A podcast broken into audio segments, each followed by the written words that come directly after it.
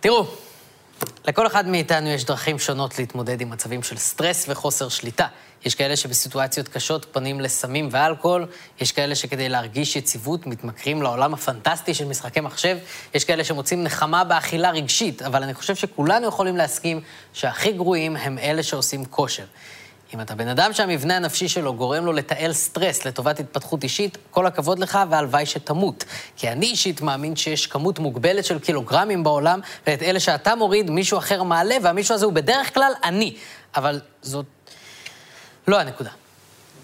הנקודה היא שאנחנו עדיין נמצאים במצב המלחיץ ביותר שאפשר להיות בו, כשהממשלה לא מצליחה לגבש מדיניות, ועד שהיא כן מגבשת מדיניות, היא לא מצליחה להוציא את המדיניות הזאת לפועל, ומספר הנדבקים ממשיך וממשיך לעלות, ומספר המובטלים לא יורד, וכיפופי הכוחות בין הממשלה לכנסת רק נהיים יותר ויותר קיצוניים, ולפי איך שזה נראה כרגע, הסיטואציה בהנהגה הנוכחית לא יכולה להשתפר, זה נראה כאילו, אפילו במדינה המפולגת שלנו, הדבר הזה נמצא באיזשהו סוג של קונצנזוס. עד כמה אתם סומכים על שיקול הדעת של הממשלה בטיפול במשבר?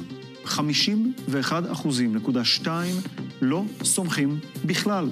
כך השבתם, וגם 23 אחוזים אומרים שהם לא כל כך סומכים. סך הכל לא מרוצים מניהול המשבר על ידי ראש הממשלה נתניהו, 68 אחוזים. 85 אחוזים מהישראלים השיבו שהם לא מרוצים, במידה זו או אחרת, מההתנהלות הכלכלית של הממשלה בתקופת הקורונה. איך לדעתך הממשלה מנהלת את המשבר הכלכלי? 75 אחוזים, רוב מוחלט ענו לא טוב. ראש הממשלה בנימין נתניהו משלם מחיר אישי.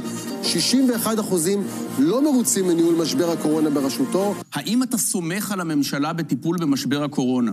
59 אחוזים מהציבור לא סומכים. בנושא הכלכלי, 62 אחוז לא מרוצים. oh my god, כשמשלבים את זה עם שמנת ועם מנהיגות בלתי אמינה, זה מטריף. מטריף! וואו, אני כל כך לא סומך עליו, אלוהים. עכשיו, דיברנו פה כבר על משבר האמון החריף שיש מול הממשלה הזאת, אני חושב שלכולם ברור ששם אנחנו נמצאים, אבל אני אגיד לכם איפה הדברים מתחילים להסתבך. הרי בכל מדינה נורמלית, בכל תקופה נורמלית, הייתם מצפים שכישלון כל כך חרוץ של מנהיג בתקופה כל כך קריטית, לפחות בסקרים יתורגם לאיזשהו אובדן כוח פוליטי, איזושהי ירידת מנדטים קיצונית שלפחות תאותת למנהיג שאם הוא לא יעשה את העבודה שלו, העבודה שלו לא מובטחת. אבל העובדה המדהימה היא שלצד האחוז הנמוך של האזרחים שמרוצים מתפקודו של נתניהו, מפת המנדטים נראית ככה.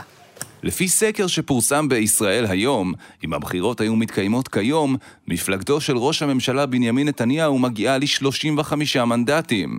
גוש הימין עם 62 מנדטים, לעומת גוש המרכז-שמאל שמסתפק ב-50 מנדטים בלבד. הליכוד בראשות נתניהו עם 34 מנדטים, בואו נדבר על הבלוקים, הבלוק של אה, כן נתניהו עם 64 מנדטים. הליכוד וראש הממשלה נתניהו עם 33 מנדטים. הימין 61 מנדטים, המרכז-שמאל 51. ליכוד מוביל עדיין בפער מאוד מאוד משמעותי, 37 מנדטים, מוביל ב-22 מנדטים על המפלגה הבאה אחריו.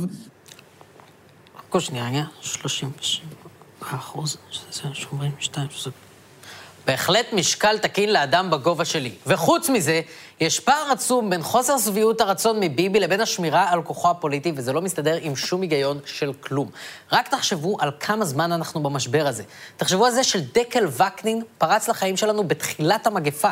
מאז הספקנו לראות אותו עולה לגדולה, מסתבך עם העולם התחתון, נכנס לעסקי הארטיקים, מתגייס לצבא, משתחרר מהצבא, חוזר בתשובה, יוצא בשאלה, נוסע להצליח בחו"ל, נכשל בחו"ל, חוזר לארץ ונכנס לבידוד כי עדיין יש קורונה. כל זה קרה, ועדיין ביבי שומר על כוחו, וצריך לדבר על זה, כי המספרים הם חד משמעיים. יש קבוצה לא קטנה של אנשים שמאוד לא מרוצים מאיך שביבי מנהל את המשבר הסופר קריטי הזה, אבל עדיין לא יכולים לראות את עצמם מחליפים אותו. ודוגרי, דוגרי, דוגרי, דוגרי, דוגרי, דוגרי, הכוח אצלם כרגע.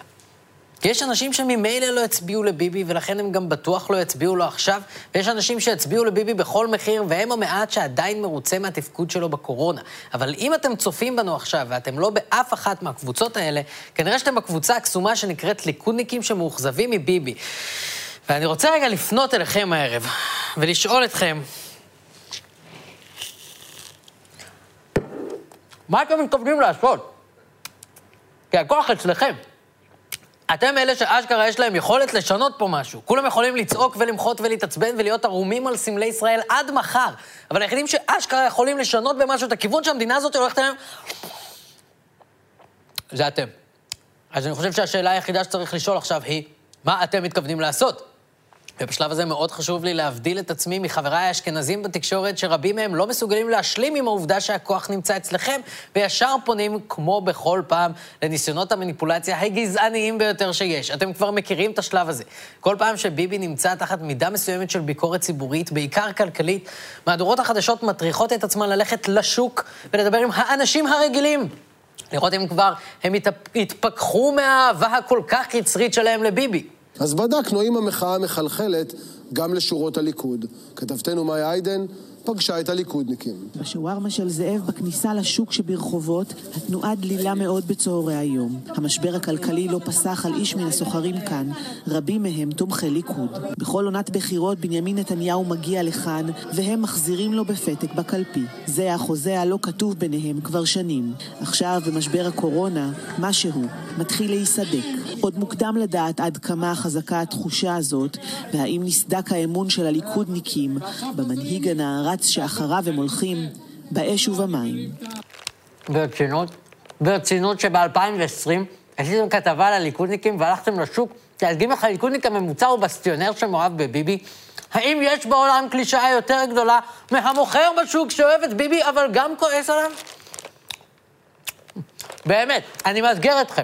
האם יש בעולם התקשורת והעיתונות בכלל סטריאוטיפ יותר שטחי, יותר מתנשא, יותר מגעיל? חברי הפאנל של אולפן שישי תפסו מונית ונסעו ברחובות הראשיים העצובים של מדינה תחת קורונה. אפשר לשאול מה הצבעת? זה, הצבעתי ביבי, כן. כן? כן. איזה ציון היית נותנת לבנימין נתניהו בניהול של המשבר הזה? 40. ואת אומרת לי את זה בתור מצביעת נתניהו. כן, אני לא אצביע, לא... never. בבחירות האחרונות הצבעתי לנתניהו. ואם היו בחירות עכשיו? אם היו בחירות עכשיו, הייתי מחכה לקאמבק של הגמלאים. מה אתה אומר על הדברים של הנגבי עם החרטא? אני אומר שאם אמא שלו הייתה בחיים, הייתה מחטיפה לו סטירה. ואז אתה שומע את uh, מישהו שאומר uh, אין אנשים רעבים? תודה רבה. ולנו יש פלאפל, זה מה נשאר. לא, לא, קושמרו, תודה לך ובהצלחה עם הצרבת, אבא. אנחנו רגילים לראות אותך מסתכן בשביל האמת העיתונאית על אופנועים או צולל עם קרישים על בסיס שבועי, אבל לאכול דבר כל כך מטוגן, כשאתה בן אדם כל כך אשכנזי, זה אולי הדבר הכי מסוכן שעשית בקריירה שלך. כי מה שראינו עכשיו אלה שתי כתבות שלא באמת עוסקות במצוקה כלכלית, ולא באמת עוסקות בדפוסי הצבעה, ולא באמת עוסקות בקורונה. הן עוסקות באליטה שמסרבת להכיר בזה שהכוח לא אצלה, והדרך היחידה שלה לדבר עם מי שהכוח כן אצלו, היא להתנשא עליו ולחכות שהוא יתפכח. ובגלל שזאת הדרך היחידה שבה התקשורת יודעת לדבר עם ליכודניקים, חשוב לי להדגיש, אני לא שם. אני באמת מנסה להיכנס לנעליים שלכם ולשאול, כאילו, מה אתם מתכוונים לעשות? כי אני באמת לא יודע מה אני הייתי עושה במקומכם. הרי לא משנה כמה אתם מרגישים שביבי לא כשיר להנהגה, אני לא חושב שהייתי מרגיש בנוח בתור איש ימין בהפגנה נגדו, בטח לא כשאנחנו רואים את התמונות משם.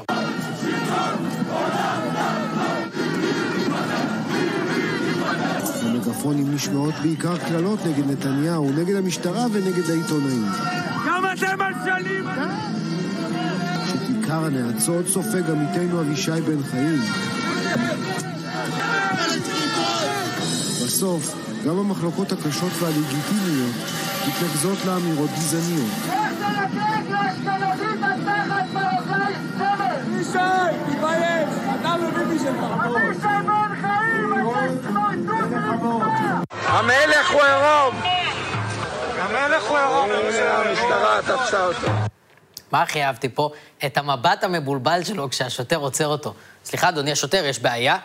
סליחה, אם בן אדם לא יכול לנסוע פה ערום על תלת אופן עם מקלדת של קסיו, אז כנראה שביבי כבר ניצח. תקשיבו, אין לי שום דבר נגד ההפגנות בבלפור, ואני בחיים לא אגיד לאנשים שמוחים איך למחות או נגד מה למחות. מה שאתם עושים הוא חשוב, ולו כי הוא מגיע מדם לבכם. אבל ברור לכם שמכל מה שאנחנו רואים שיוצא מההפגנות האלה, זה לא מרגיש כמו מקום שבו אנשים שהצביעו לימין אבל מאוכזבים מביבי יכולים להרגיש בו בנוח, כן? כאילו, אפילו מוקי, שהוא שמאלני, הוא לא הרגיש בנוח בהפגנה הזאת, וזה בן אדם בוגר שמרגיש בנוח אם לבקש מאנשים לקרוא לו מוקי. באמת, מוקי הגיע להפגנה בבלפור בשישי, הרגיש שהיא קיצונית מדי, ועזב, וכל הפייסבוק התהפך עליו. אז באקלים הפוליטי הזה, כשאני מסתכל על מאוכזבי נתניהו, על היחידים שיכולים לשנות פה את המצב, על אלה שהתקשורת מתנשאת עליהם, ובהפגנות השמאל אין להם בית, אני שואל את עצמי, מה, מה אתם מתכוונים לעשות? כי, כי בואו, אם אתם אנשי ימין מתונים בגישה שלכם לביבי, גם בהפגנות מהצד השני אין לכם בדיוק מה לחפש. אנחנו ניצבים מול בית המשפט. מה שקורה כרגע, אנחנו התאמנו לאפשרות של התנגשות בנתניהו ומשפחתו.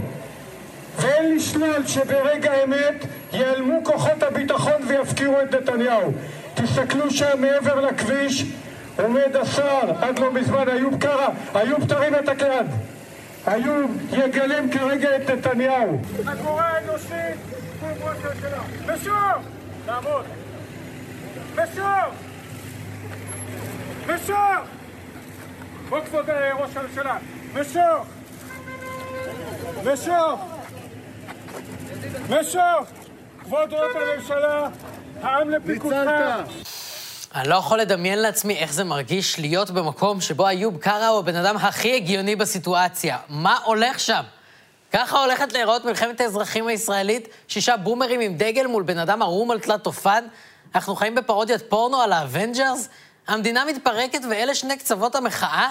כי המדינה מתפרקת, אין לאנשים עבודה, יש אלפי נדבקים ביום, וראש הממשלה לא מצליח לנהל את המשבר הזה כי הוא לא מסוגל לחשוב על שום נושא מחוץ לציר של טוב לביבי או לא טוב לביבי. והוא במשך שנים עיצב את כל המערכת הפוליטית סביב העיקרון הזה, וזה נראה שיש קונצנזוס סביב העובדה שהבן אדם שמנהל את המשבר לא מצליח לנהל את המשבר. אבל עדיין מפת המנדטים נמצאת בקיפאון שמבטיח שהוא ימשיך לנהל אותו, ולכן אני פונה לאנשים היחידים שיכולים להוציא אותנו מהסיטואציה הזאת, ושואל אתכם, מה, אתם מתכוונים לעשות? כי, כי עזבו רגע את מה שקושמרו היה רוצה שתעשו, או את מה שהמפגינים בבלפור היו רוצים שתעשו, או את מה שרן כרמי בוזגלו ופלוגות ההגנה שלו היו רוצים שתעשו, או אפילו את מה שאני הייתי רוצה, זה לא מעניין. אנחנו כולנו הוכחנו שאין לנו שום שליטה על הסיטואציה ואין לנו שום יכולת לשנות אותה. אנחנו חיים בדמוקרטיה, ודמוקרטיה נתנה לכם את המפתחות לאוטו בתקופה אולי הכי קריטית שאי פעם הייתה, וזה דבר יפה, זה נפלא. אבל יש לי תחושה שהרבה מכם מרגישים שההנהגה הנוכחית לא מצליחה להוציא אותנו מהבור שאנחנו נמצאים בו, ואולי אני טועה פה. אולי אני טועה, ואולי אני מפרשן לא נכון את הנתונים ונופל פה ל-wishful thinking בגלל הדעות שלי על ביבי בהמון תחומים אחרים, ואז אני בדיוק אותו דבר כמו קושמרו, רק בלי הצורך לבקש אישור לגבריות שלי מקרישים. אבל אם אני קורא נכון את הסיטואציה, אז אני מקווה שתעשו משהו כמה שיותר מהר, כי בקצב הזה לאנשים לא יישאר אוכל. חצי מהאוכל שנשאר לנו, אני כבר בזבזתי במונולוג הזה על אכילה רגשית. זהו, אנחנו סיימנו, תודה רבה, לילה טוב.